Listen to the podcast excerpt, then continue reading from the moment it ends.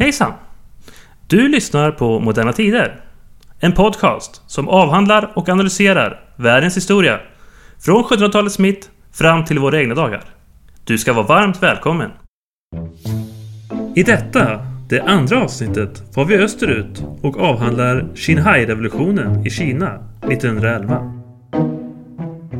På hösten 1911 är dagarna för Kinas mångtusenåriga kejsardöme räknade. Det uppror som förestår är kulmen på en långsiktig utveckling där missnöjet med uteblivna förändringar och utländskt inflytande är de grundläggande byggstenarna. Den regerande kejsardynastin Qing, som i sig är av utländskt påbrå, försöker desperat genomföra reformer, men det tycks vara för sent. Vad var det som faktiskt hände under den så kallade Xinhai-revolutionen? Vilka var de ledande aktörerna och vad blev i förlängningen konsekvenserna för det framtida Kina? Den som ska prata mer om den här saken är professor Hans Hägerdal. Han är verksam vid Linnéuniversitetet med inriktning på internationell historia. I sin forskning som främst riktat in sig på Öst och Sydostasiens historia har han fokuserat på förhållandet mellan de inhemska asiatiska samhällena och den västerländska kolonialismen. Han har skrivit flera böcker om Kinas historia.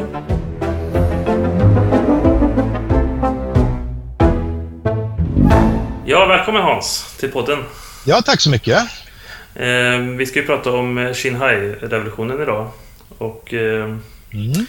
jag tänkte fråga dig, var tycker du vi ska börja någonstans i den här berättelsen? Ja, alltså man kan titta lite grann kanske på eh, själva händelsens eh, betydelse. Alltså det är ju en rätt så anmärkningsvärd sak att eh, Kina som var känt som ett eh, väldigt konservativt, eh, reaktionärt kejsardöme som hade lite svårt att reformera sig självt.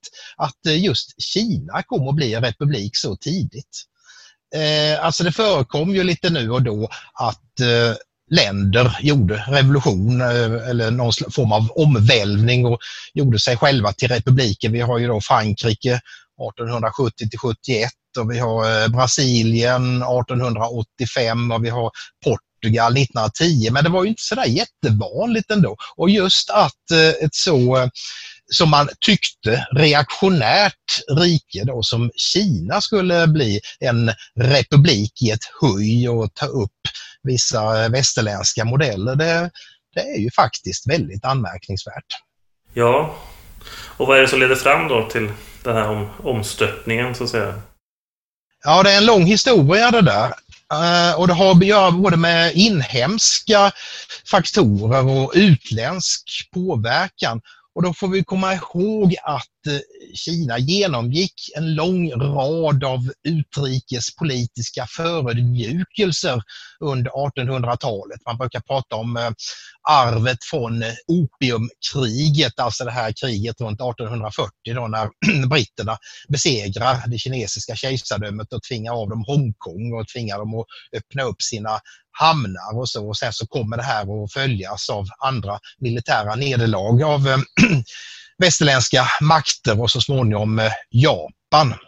Och det här det kommer att gå hand i hand också med en försvagning av kejsarmakten. Eh, på grund av lite olika saker så eh, kommer det stora uppror som hotar Eh, den kinesiska eh, Qing-dynastin i andra hälften av seklet, andra hälften av 1800-talet. Eh, mest kända är då eh, Taiping-upproret som kostar oräkneliga liv. Det kan röra sig kanske om ett 20-tal miljoner människor som får sätta livet till på grund av den här rätt så kaotiska fasen i kinesisk historia. Och det finns en del andra upprorsrörelser också som försvagar dynastin. Eh, och till slut så lyckas ju faktiskt eh, eh, Qing-dynastin att reda ut det här lite provisoriskt i alla fall. Att man besegrar de stora upprorsrörelserna på eh, ungefär eh, 1860-talet. Och eh, då kommer man på att eh, ja, vi kan nog inte riktigt hålla på på det här sättet. Att eh, den gamla kejserliga byråkratin förslår inte. Vi eh, måste nog trots allt lära oss från det här eländiga västerlandet. Trots att de har eh, förödmjukat oss i ett antal konfrontationer. Så att eh, dynastin börjar att ta in vissa selektiva eh, nymodigheter, framförallt då inom eh, militärteknologin. Man kallar det för den självstärkande rörelsen. Eh, och det visar sig att det, det räcker inte det här. Att man eh, plockar in lite smått och gott från västerlandet. Det, det funkar bara inte. Att eh, systemet är fortfarande så eh, konservativt så att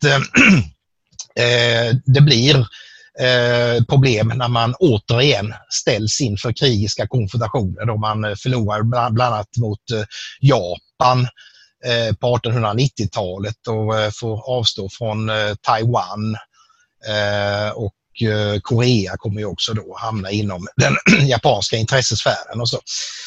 Ehm, så att det kommer nya reformförsök så småningom.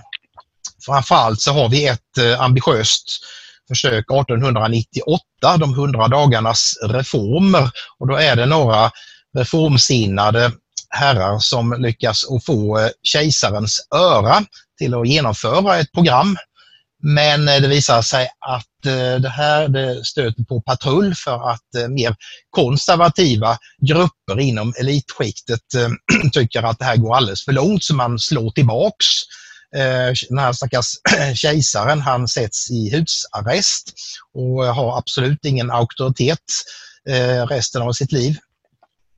Och istället så kommer Kina under första hälften, eller, eller ska jag säga första decenniet av 1900-talet att eh, befinna sig i någon sorts eh, skumt limbostadium.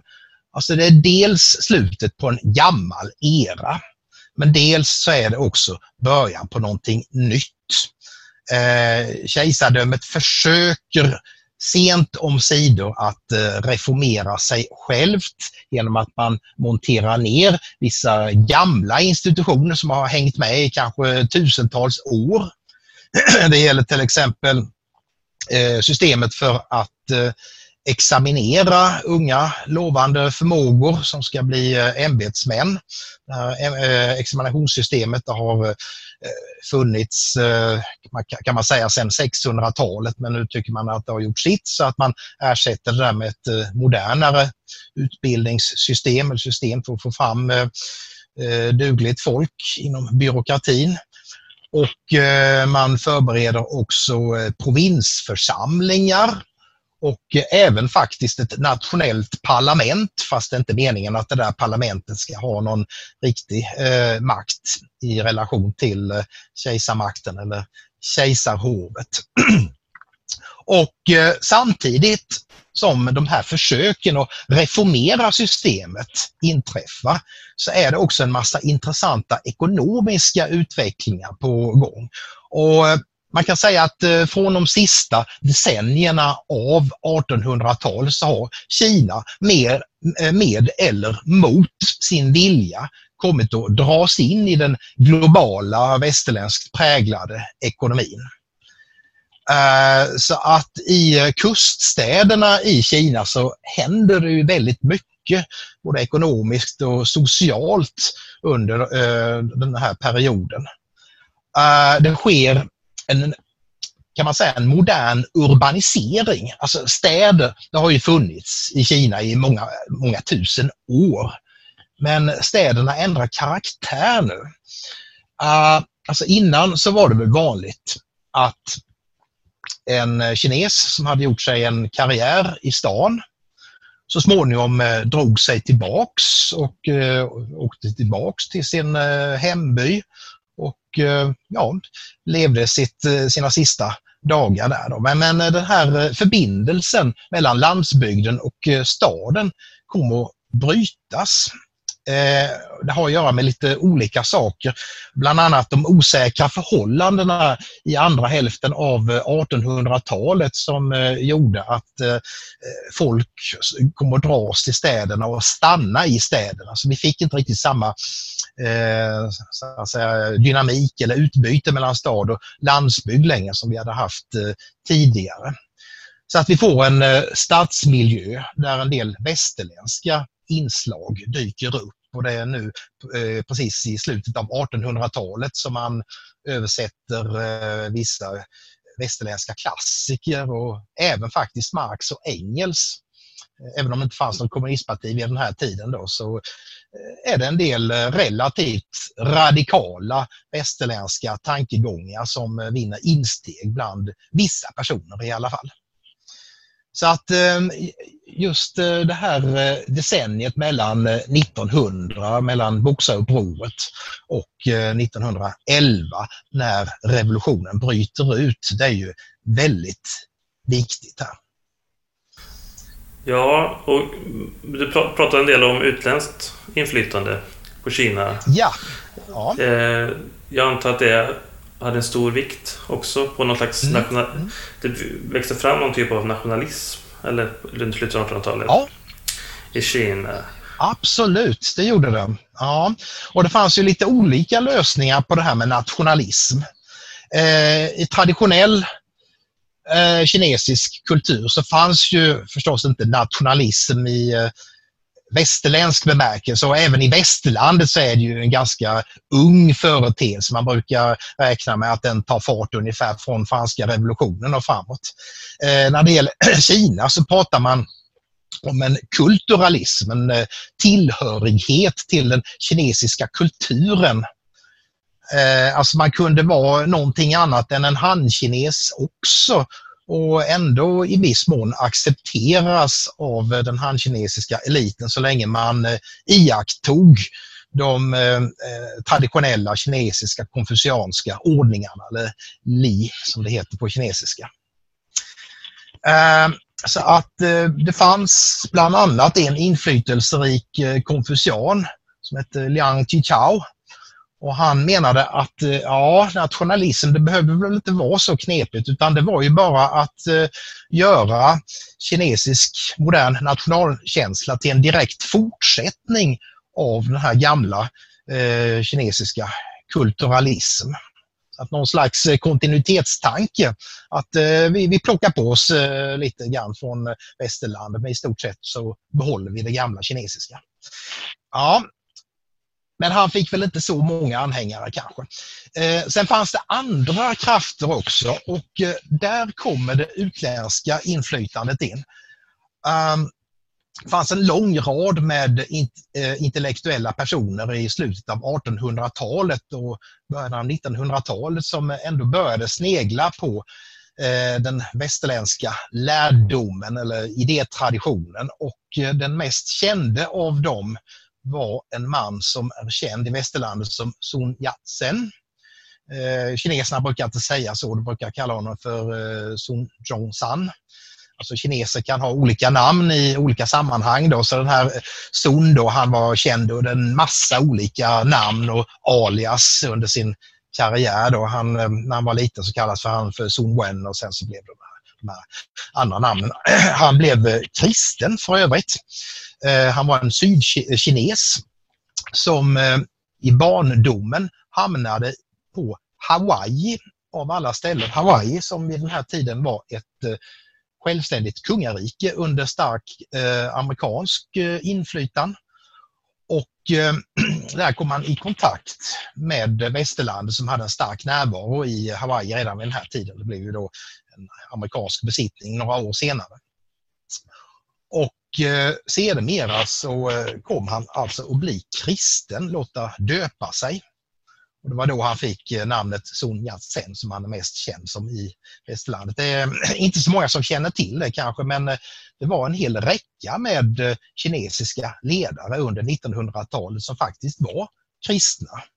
Sun Yat-sen och sen hans efterträdare Chiang Kai-shek och eh, en tredje person som inte är lika känd, eh, Feng Yuxiang, som var vice premiärminister ett tag.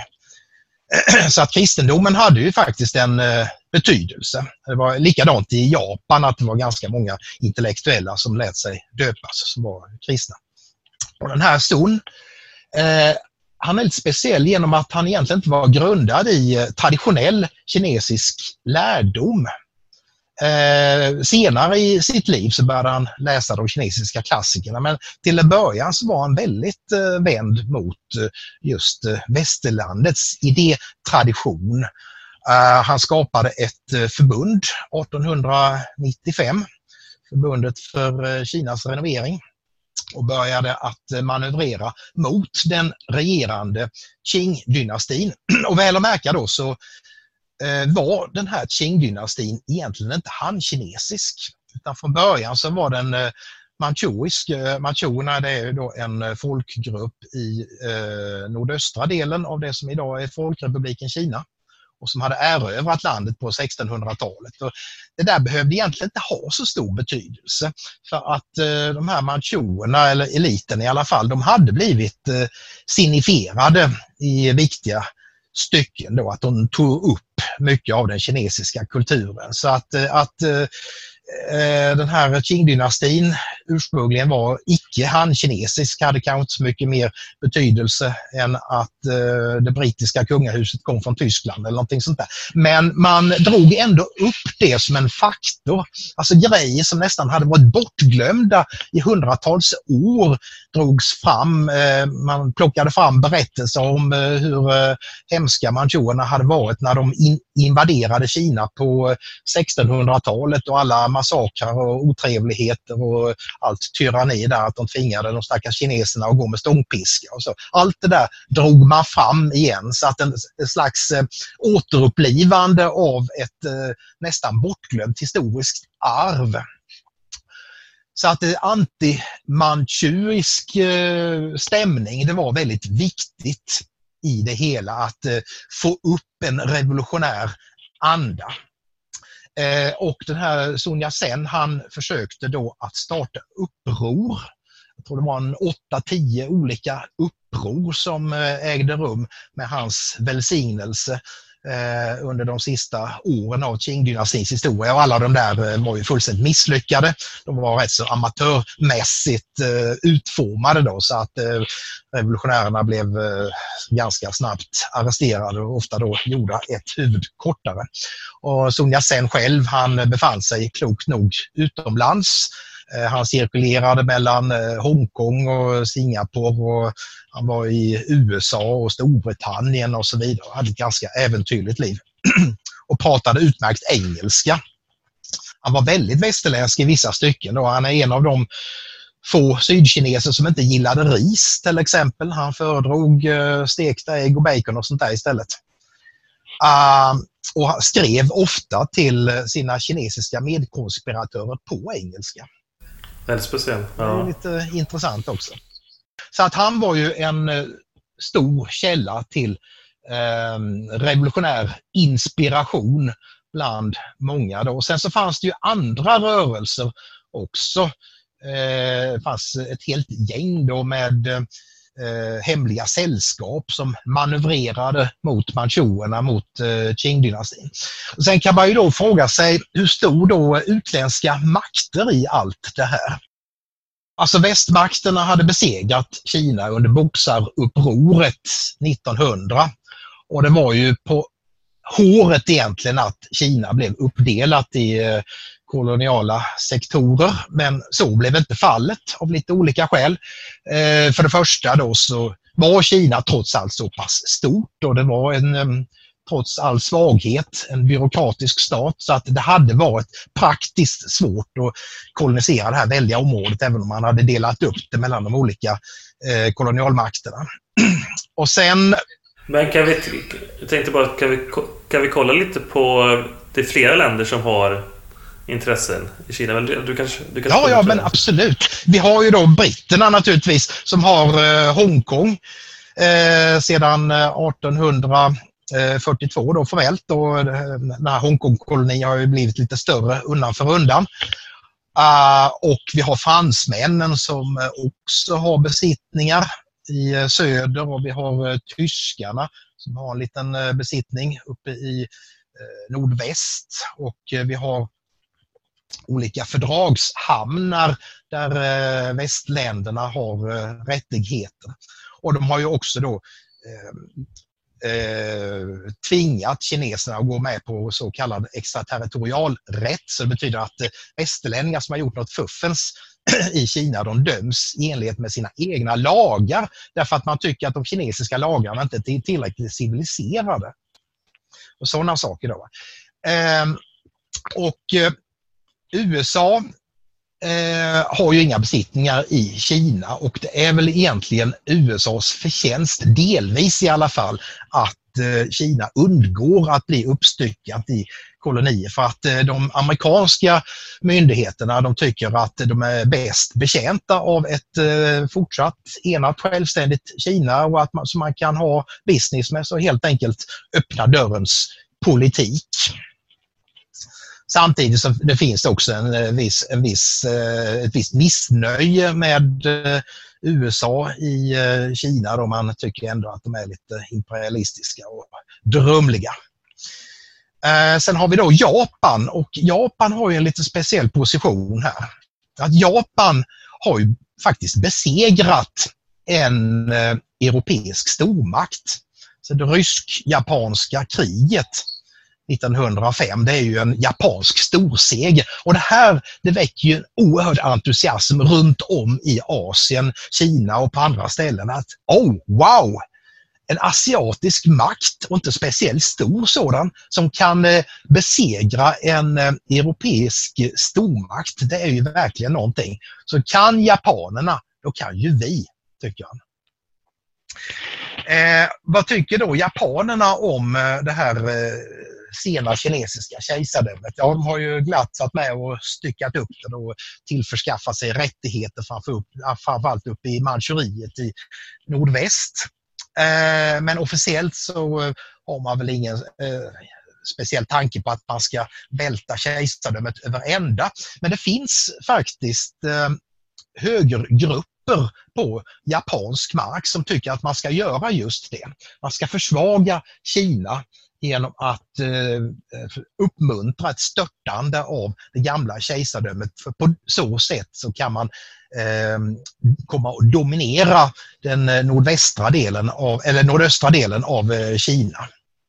Man har redan börjat så smått då etableras i Manchuriet men om eh, kejsardömet är borta så kan man flytta fram sina positioner tänker man. Men har japanerna börjat med sin så att säga aktiva imperialistiska politik? Ja, Absolut, det började de ju med egentligen redan på ja, eh, 1870-talet så att eh, när vi kommer fram till början av 1900-talet då är ju faktiskt Japan en kolonialmakt. Det är ju väldigt intressant det här att eh, japansk kolonialism och västerländsk kolonialism de kommer att påverka varandra på olika, i olika stycken. Att eh, det är många västerlänningar som är imponerade av eh, de framsteg som de tycker sig se i de eh, japanska kolonierna. Eh, Taiwan till exempel och eh, Korea. Så Taiwan har man ju då plockat från kineserna 1895. Så att eh, vi har vissa utländska intressen i görningen, alltså som tycker att de kan ha intresse för en eh, förändring. Då. När det gäller västerlandet så är det mer eh, enskilda entusiaster och äventyrare som eh, stöttar eh, de här revolutionära positionerna som är på gång. Ja, det var lite grann om bakgrunden. Är det någonting mer vi ska ta upp här? Jag vet inte, jag hade ju fler... För du, man kan ju även gå tillbaka till opiumkrigen och det här där så att säga västerlandet eller de utländska intressena in och, och eh, styr kan man säga över mm. Kina eller, ja. eller bestämmer ja. över... Alltså Kina, de försöker förbjuda opium. I princip. Ja, alltså kejsarmakten gjorde ju valhänta försök att eh, förbjuda opiumhandeln i första hälften av 1800-talet.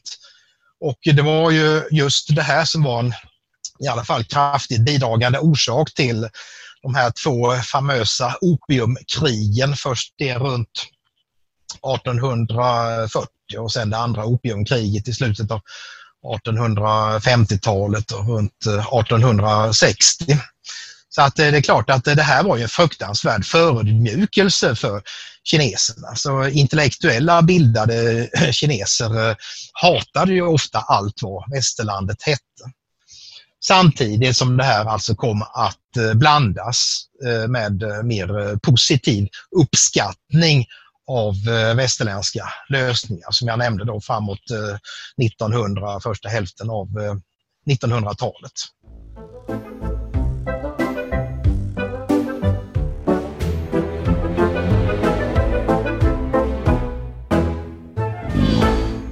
Ska vi titta lite på det direkta förspelet kanske till revolutionen tycker du?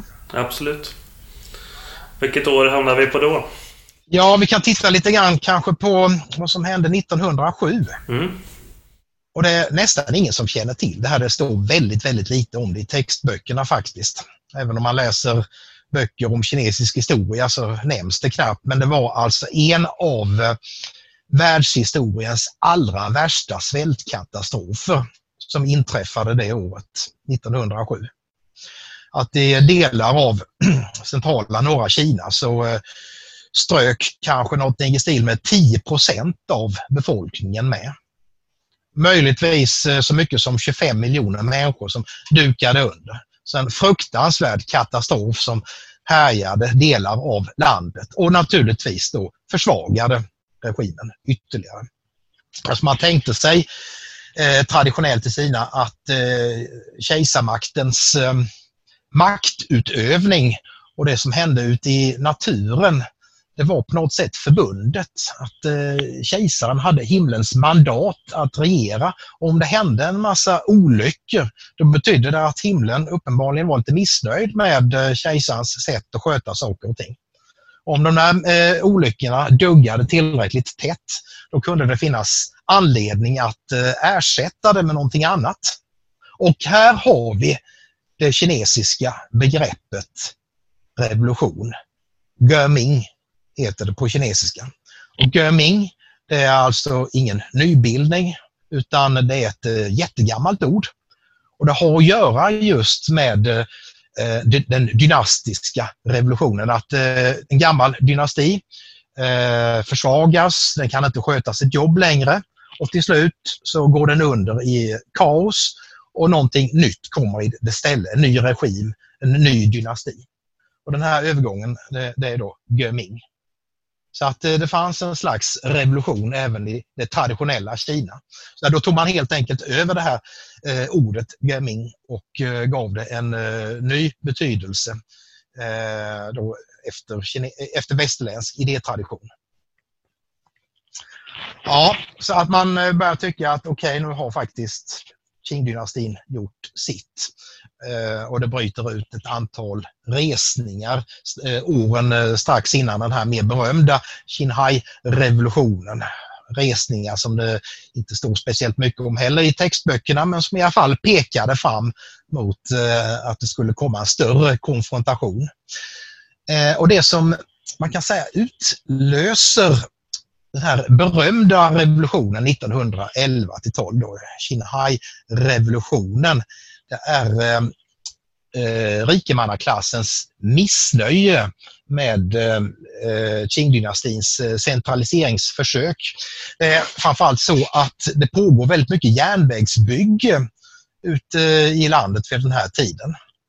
Och till en början så var det ju västerlänningar som eh, Ehm, basade för det här järnvägsbygget men så småningom så hade det gått över till kinesiska intressen. Och nu försökte Qing-dynastin att centralisera eh, allokeringen av eh, järnvägsbygge då, och kontrakt och så. Och det här det väckte ett ramaskri eh, bland vissa elitgrupper ute i landet. Och eh, en av eh, Eh, de här eh, hotbeds, eller hur man ska säga, de platser där det hettade till, det var det som idag är trestadsområdet eh, Wuhan i centrala Kina, som ju idag har en viss sorglig berömmelse som ursprung för coronaepidemin. Och, det är då ett område som består av tre städer och en av de här städerna heter Wuchang. Och eh, där var det ett eh, revolutionärt förbund som var igång och planerade en resning. Och som en del i den här resningen så infiltrerade man eh, militären på platsen. Man tillverkade också bomber. Och det där med att tillverka bomber, det är ju inte helt ofarlig sysselsättning. Så att den 9 oktober 1911 i eh, det år som kallas för Xinhai i den kinesiska kalendern så hörs plötsligt en väldig explosion i Wuchang. Och då är det några av de här hemmatillverkade bomberna som har råkat eh, gå av av misstag. Och naturligtvis så är ju polisen på plats in, in, inom nolltid och kollar vad som har hänt. Så att man eh, spårar konspirationen. Man tillfångatar några av konspiratörerna och eh, avrättar dem. Och eh, de överlevande de förstår att eh, nu eller aldrig, nu måste vi slå till alltså för annars är vi ju snart ett huvud kortare. Så att nästa dag, den eh, 10 oktober, dubbeltian som man säger i Kina, då då eh, slår man till. Då eh, börjar revolutionen på allvar och det blir strider mellan eh, 3000 plus revolutionärer på ena sidan och 3000 plus eh, Qing-trogna på andra sidan. Och eh, de kejsartrogna, de Qing-trogna, de är tvungna att fly och det här är en katalysator helt enkelt, att det har jäst på olika håll i landet. Alla är trötta på den här eländiga Qing-regimen. Så att revolutionära rörelser slår till i eh, en hel rad med olika provinser. Och eh, under den följande månaden så uppsäger provins efter provins eh, sitt troskap till manchuerna, då, till kejsarhovet. Och då kan man ju kanske tänka sig att den här mest kände revolutionären, Sun Yat-sen, skulle ha sitt finger med i det här spelet. Men så är alltså egentligen inte fallet. Utan revolutionen, den kör igång utan honom. För när det här händer, då befinner han sig någonstans mitt i USA på en resa. Han får läsa om det i en amerikansk dagstidning. Men när, det här, när han väl har fått nys om det, då handlar han snabbt. Så han åker raka vägen, inte till Kina, utan till Västeuropa. Och eh, där snackar han ihop sig med eh, lite ledande politiker och bankirer och med deras stöd för att eh, hjälpa den här revolutionära rörelsen. Och det är många västerlänningar som tycker att jo, det är nog lika bra att vi får slut på den här Qing-dynastin. Ingenting gott kommer ut av den i alla fall. Så att, Okej, okay, att eh, vill kineserna göra jobbet och eh, göra sig av med Qingdynastin Qing-dynastin så why not ungefär. Så att det är många som, som helt enkelt ställer sig bakom Sun. Och sen så eh, åker Sun vidare så snabbt det bara går då via Suezkanalen och så vidare då till Kina och kommer fram dit i december 1911 när revolutionen redan har varit igång ett tag. Och under tiden så har det hänt lite intressanta grejer. Eh, alltså kejsarmakten har fortfarande greppet i vissa enklaver i alla fall uppe i norra Kina. Då. Huvudstaden är ju naturligtvis då Beijing. Och där sitter en eh, liten barnkejsare som bara är 5-6 år gammal. Den här berömde Po Yi. Som givetvis inte själv kan ta några beslut. Eh, hans pappa agerar regent. Den här pappan han avgår hastigt och lustigt. Eh, han, han, är väl kanske rädd om sitt e-, eget skinn och istället så är det eh, en annan herre som heter eh, Yuan Sukai, En gammal militär som nu eh, sätts upp som eh, ledare. Och den här Yuan Sukai han, han, är en slug rackare då. Han har en räv bakom vart öra. Så att å ena sidan så ska han förmodas eh, stötta upp den fallerande Qing-dynastin och å andra sidan så tar han kontakt med de revolutionära. Så att han eh, avvaktar och ser lite grann hur han ska göra. Och för att förbättra sina aktier så eh, låter han eh, de kejsartrogna göra en räd ner mot centrala Kina så att han eh, tar tillbaks eh, Eh, det här revolutionära fästet i Wuhan tillfälligt i alla fall då en massa revolutionärer förlorar livet. Och i det läget så dyker då Sun Yat-sen upp på scenen i december. Och eh, vid, den här, eh, vid det här laget så har man sammankallat till en provisionell, provisorisk ska jag säga, revolutionär församling i staden Nanjing. Och eh, den här eh, Nanjing-regimen eller Nanjing-församlingen de upphöjer Sun Sen som president, republikens första president i slutet av eh, december och han, eh, han installeras officiellt under nyårsnatten. Och då eh, har vi ju den lite intressanta situationen att vi har en republikansk president som åtlyds av eh, de flesta provinserna i eh, centrala södra Kina. Och sen så har vi ändå den här Yuan Shikai som har makten uppe i norr. och vad ska hända då? Jo, då gör man upp en slags kohandel här. Att Yuan Shikai han har eh, försökt att eh, reformera det här kejsardömet i sista stund. Han, har, eh, han har låtit eh, eh kejsaren eh, utfärda en proklamation i 19 punkter som är lite halvparlamentarisk i alla fall. Men det här räcker ju inte då. Utan han inser att nej, kejsardömets sak är körd. Utan eh, jag gör det bästa av situationen. Jag försöker själv att bli president. Så att eh, han kohandlar med Sun Yat-sen. Att eh, om han eh, avvecklar kejsardömet lite snyggt utan blodbad så ska han få bli president. Då, så att Sun Yat-sen ska avgå till förmån för den här militären, då, Yuan Shikai. Och så sker faktiskt. Att i början av februari ehm, 20, eh, 1912 så abdikerar den här unge kejsaren Puyi. Han utfärdar en proklamation som naturligtvis då andra personer i hovet har författat åt honom.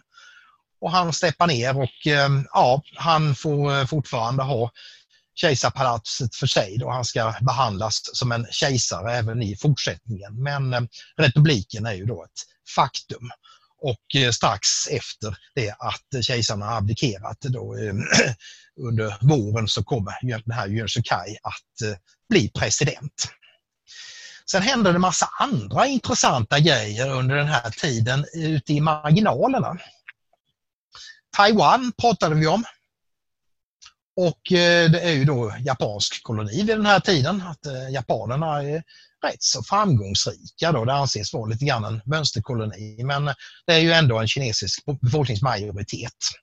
Eh, det finns en del austronesiska folkgrupper också men de räknar man inte så mycket med. Då. Men de här hankineserna som bor på Taiwan de eh, låter sig smittas av den revolutionära entusiasmen då, så att eh, en del revolutionärer från fastlandet kommer över till Taiwan och ska organisera eh, motståndet mot japanerna. Men det funkar inte utan eh, de blir fasttagna av de påpassliga japanerna och eh, blir avrättade tillsammans med ett antal eh, taiwanesiska sympatisörer. Så att eh, Taiwan det är ju helt kört. Däremot så händer det lite intressanta grejer i Mongoliet och Tibet. Och det är ju områden då som har haft sin lojalitet mot den manchuriske kejsaren. Men eh, när nu inte kejsaren finns längre eller har makt längre, då tycker man att eh, man har inte någon eh, nödvändig eh, lojalitet mot eh, han-kineserna utan man eh, skyndar sig att frigöra sig helt enkelt. Att bryta ut resningar i, dels i Tibet och dels i delar av Mongoliet. Så att under 1912 då så körs helt enkelt de kinesiska soldaterna ut från Tibet och eh, Dalai Lama som tidigare har varit i landsflykt i brittiska Indien, han kommer tillbaks och eh, blir i praktiken eh, statschef för en autonom statsbildning som kommer att finnas kvar fram till 1950. Det är ju en senare historia då när Tibet så småningom kommer att så, återförenas med Kina. Och eh, när det gäller Mongoliet så är det ju en mer permanent lösning där att eh, kineserna körs ut och eh, större delen av Mongoliet eh, blir ju då en självständig stat och det är det ju faktiskt fortfarande. Även om han har genomlevt eh, väldigt skiftande öden. Jag tänkte lite på det här eh, revolutionära rådet eller som kom till där i samband med störtandet av eller införandet av republik. Ja. Hade de som gemensam sak att störta kejsaren? Eller liksom vad, det för, vad det för politiska fraktioner? Eller kan man inte prata om politiska fraktioner eller ideolo ideologiska inriktningar? Ja, det fanns massvis med olika fraktioner ju, som jag tidigare nämnde. Då, att eh, den här Sun Yat-sen, han hade en övergripande organisation som han hade bildat 1905. Den kallades för eh, Förenade förbundet, Tong Mai Shui. Eh, och det här förenade förbundet då det innefattade vissa av de här grupperna men inte alla. Men det var ju alltså väldigt många olika fraktioner och de förenades bara genom att de tyckte så illa om den här gamla manchuriska dynastin. Och den här eh, Jöns Shikai, eh, han hade faktiskt planer att eh, själv upphöja sig till kejsare så småningom. Och här kommer vi in på utvecklingen efter revolutionen att det hade ju börjat rätt så bra då. Det hade varit en del blodspillan. Bland annat så hade rätt många manchurer blivit massakrerade under revolutionen. Men eh, det var ju inte alls eh, samma dödssiffror som till exempel under eh, ryska revolutionen senare. Eller under den maoistiska eh, omvälvningen då på 40-talet eller så. Så att man, det hade gått någorlunda ordnat till och man kunde ha vissa förhoppningar inför framtiden. Och man ordnade faktiskt ett val så det har faktiskt eh, genomförts ett ordentligt val i Kinas historia i slutet av 1912. Men hur många var det som hade rösträtt? Det var inte många. Nej. Eller relativt eh, sett. Det, det, var bara de som hade en viss eh, förmögenhet som hade rätt att rösta. Och så var det ju på många håll i världen vid den här tiden. Det var ju precis samma sak i Sverige när man, när man införde de här eh, valen efter 1866 så var det ju bara de som hade, jag tror det var eh, mer än eh, 800 riksdaler i årsinkomst eller någonting sånt där. Och i Kina tror jag att eh, kraven var ännu lite tuffare så att det var inte så många som hade rösträtt. Men det var ju ett val i alla fall. Och eh, eh, den här Sun Yat-sen han hade bildat ett nytt parti som kallas för eh, Kuomintang som helt enkelt betyder nationalistpartiet och de vann stora framgångar i det här valet. Men eh, sen var det någonting som gick i baklås.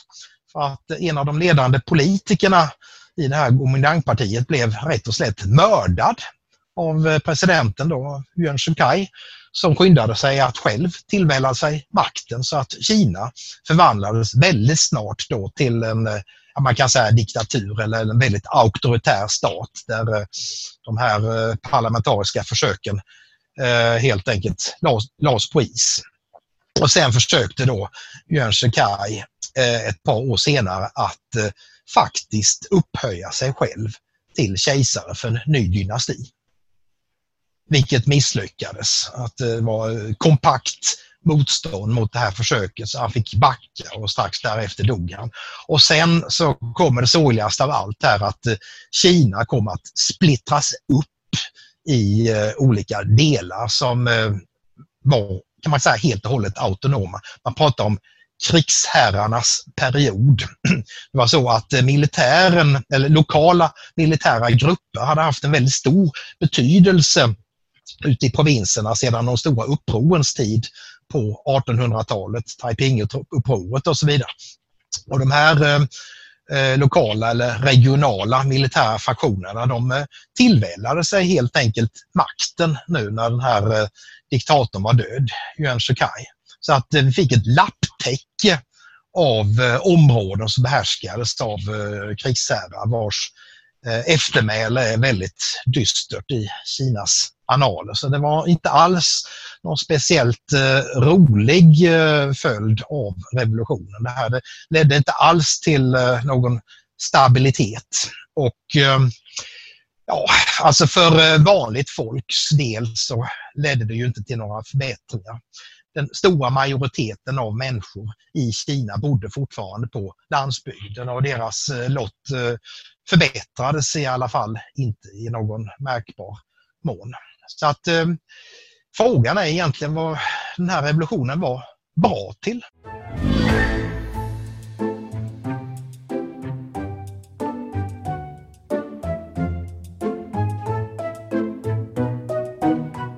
Nej, jag tänkte just på det att eh, fanns, fanns det liksom inget tydligt projekt riktigt utan det var mer kanske ett missnöje mot kejsaren då eller, eller kejsardömet som drev fram revolutionen. Ja, alltså den här revolutionen har ju tolkats på lite olika sätt av eh, historiker i senare tid. Eh, och det finns en del som menar att revolutionen var egentligen bara höjdpunkten eller ett steg i en längre process. Alltså man observerar att eh, Kina hade involverats mer och mer i den globala ekonomin sedan slutet av 1800-talet. Man hade fått in olika västerländska teknologiska och eh, ekonomiska lösningar. Uh, idégods från västerlandet hade sipprat in etc. och det hade förekommit ett antal revolutionära rörelser redan innan. Så att eh, händelsevis så lyckades den här Xinhai-revolutionen. Så det var höjdpunkten på en process. Men den medförde då alltså inget avgörande brott Eh, däremot så det, det, var ju ett steg på vägen naturligtvis eh, mot eh, det som hände senare med nya revolutionära rörelser på 1920-talet. Och, Inbördeskrig. Ja, absolut. Ja. Och sen så finns det andra som menar att jo, men man ska nog inte underskatta att det faktiskt var ett visst brott ändå att i ett huj så gjorde man sig av med den här gamla skräphögen, då, den eh, kejserliga nödtorftigt reformerade byråkratin. Och eh, just att kejsarmakten försvann gjorde att det ändå uppkom eh, lite nya grejer, att vi fick det här Gomindangpartiet, nationalistpartiet med vissa progressiva idéer strax efter och eh, några år senare, då, 1920 till 21, så eh, får vi då eh, Gong Changdan, då kommunistpartiet som dyker upp och naturligtvis då kommer att bli dominerande eh, med tiden. Men eh, är Kina, hur länge håller splittringen då? Är det ända fram till Folkrepubliken egentligen då? Ja, inte riktigt. Alltså det sker eh, ett visst enande. Den här eh, Sonja Sen, han eh, försöker att samla styrkorna från en enklav i Sydkina.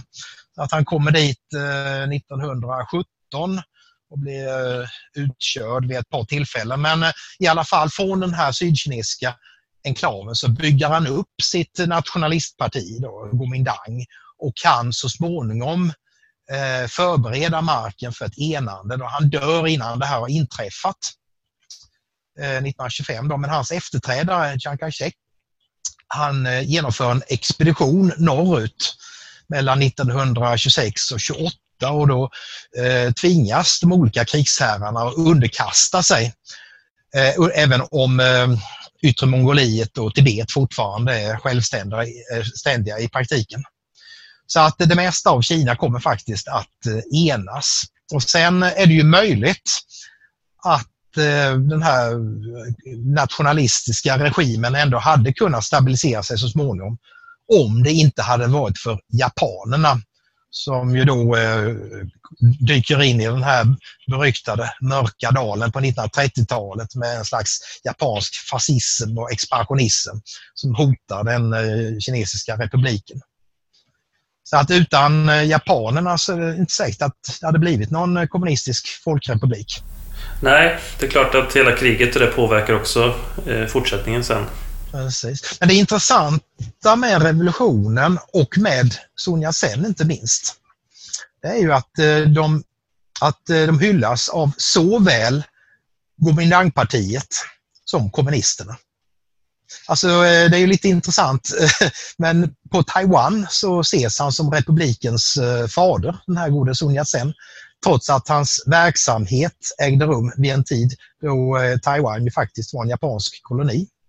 Han ses ändå som någon slags eh, grundlagsfader. Men det hänger ihop med parti, partiet där då? Kuomintang? Ja, visst det har att göra med eh, Kuomintang-partiet, ja. Som ju då eh, länge var, eh, kan man säga, nästan allenarådande på Taiwan. Ja, de flydde väl dit efter inbördeskriget? Ja, men absolut. Ja, och sen så var det ju eh, militärt undantagstillstånd eh, på Taiwan fram till eh, sent 1900-tal då man långsamt började demokratisera systemet och efter det så har man haft en del presidenter som inte har tillhört eh, Gomindangpartiet.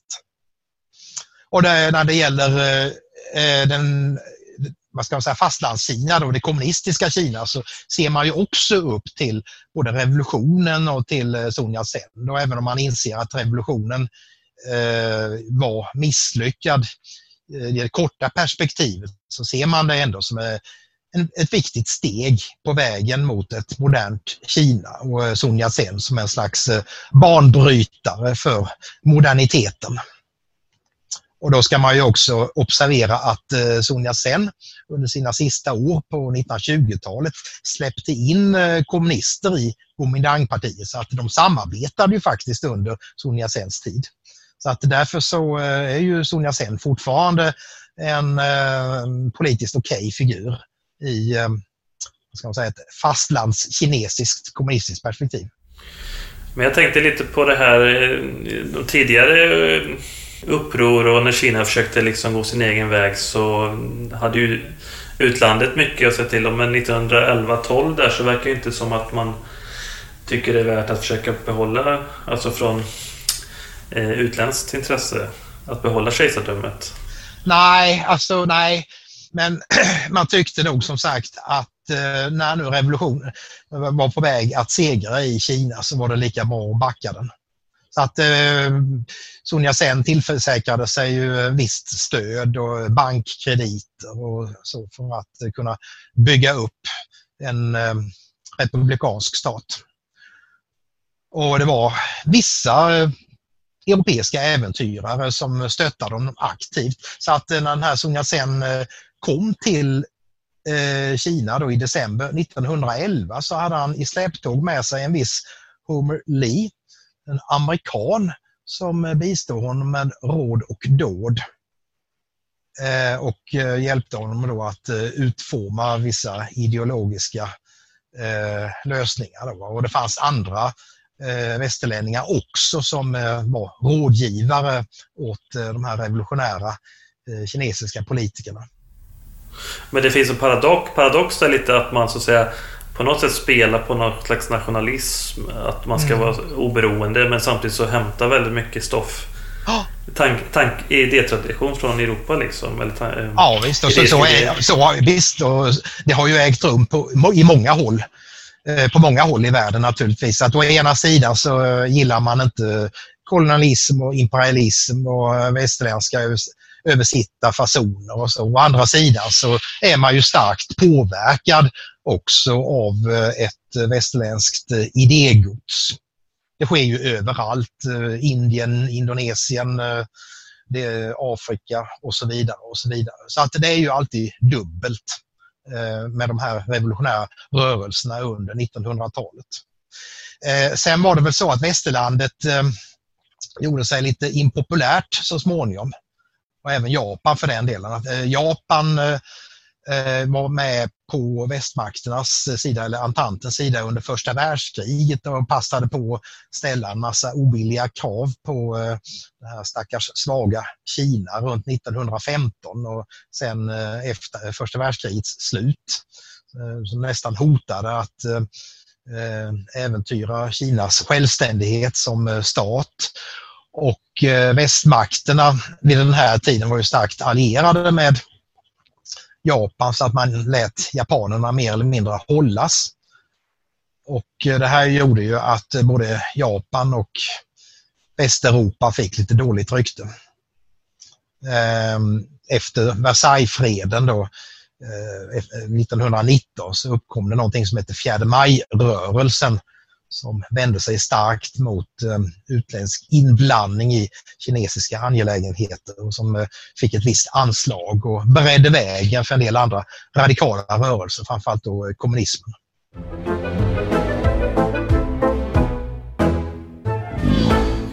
Ja, men eh, är det något mer du vill tillägga? Är det något, mer vi har, något vi har missat?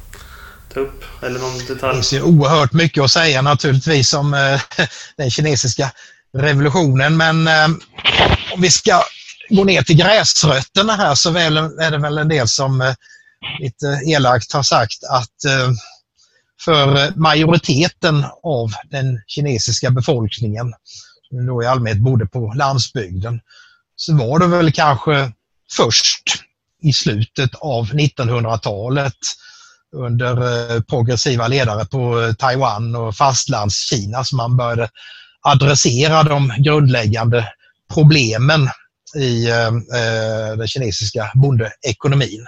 Alltså många, många decennier efter revolutionen. Kanske 70-80 år efter revolutionen. Så att saker och ting hände långsamt. Alltså det hände en massa saker eh, naturligtvis även eh, under Kuomintang-regimen på Taiwan och under Mao Zedongs långa eh, styre i fastlandskina. Men eh, en eh, märkbar förbättring av eh, bondebefolkningens villkor var någonting som kanske tog väldigt, väldigt lång tid efter det att eh, revolutionen hade, som man hoppades eh, berett marken för en förändring. Det var inte mycket till en social ekonomisk revolution direkt. Nej, det kan man faktiskt inte säga. De som hade nytta av revolutionen, det var ju vissa eh, rikemannagrupper, eller gentry som man brukar säga med ett eh, eh engelskt ord. Och, eh, ja, det fanns ett stadsproletariat också, men det var ganska litet i förhållande till eh, den här väldiga landsbygdsbefolkningen. Alltså, mer än 90 procent bodde ju på landsbygden vid den här tiden. Och industrialiseringen hade inte kommit igång mycket heller? Eh, det fanns lite industrier, men eh, det var ganska marginellt i förhållande till eh, den kinesiska bondeekonomin. Så att det är ju någonting som utvecklas först undan för undan. Det kommer ju igång lite grann efter det att Mao tagit över makten då 1949. Under 50-talet så sker en del teknologiimport från Sovjetunionen. Eh, och sen så sker en del katastrofala misstag då under eh, det stora språnget eh, framåt och sen så kommer det en ny och eh, mer framgångsrik industrialisering från slutet av 70-talet, under 80-talet. Jag kanske kan tillägga en sak här också att eh, kineser generellt, kanske inte de som bor på Taiwan och i Hongkong, men de som har sina rötter i fastlandskina, när de pratar om eh, förändringen 1949 när eh, Maos kommuniströrelse tog över, så säger de i allmänhet inte då Göming-revolutionen, utan de kallar det för Jefang, vilket betyder befrielsen. Så att man eh, gör en boskillnad där mellan revolutionen, och det var det som hände 1911-12, och befrielsen 1949. Då kan man ju kanske fråga sig befrielse från vad då? då Men eh, även eh, alltså fastlandskineser som inte är speciellt eh, intresserade av kommunistisk ideologi och sådär eh, använder slentrianmässigt eh, ordet Jefang. Ja, intressant. Ja, det är det faktiskt. Verkligen. Men eh, då tackar jag dig så mycket Hans ja, för det här. Tack så mycket. Nöjet på min sida. Nej, på min sida skulle jag säga. Men jag har en liten fråga bara utöver, utanför det här. Eh, och det, podden har inget namn än. Och jag tänkte om du har något spontant, någon spontan idé kring det? Eh, vad det skulle kunna heta? Moderna tider. Du har hört ett avsnitt av Moderna Tider. Gäst var Hans Hägerdal. Programledare Stefan Hjalmarsson. Speaker Matilda Säd.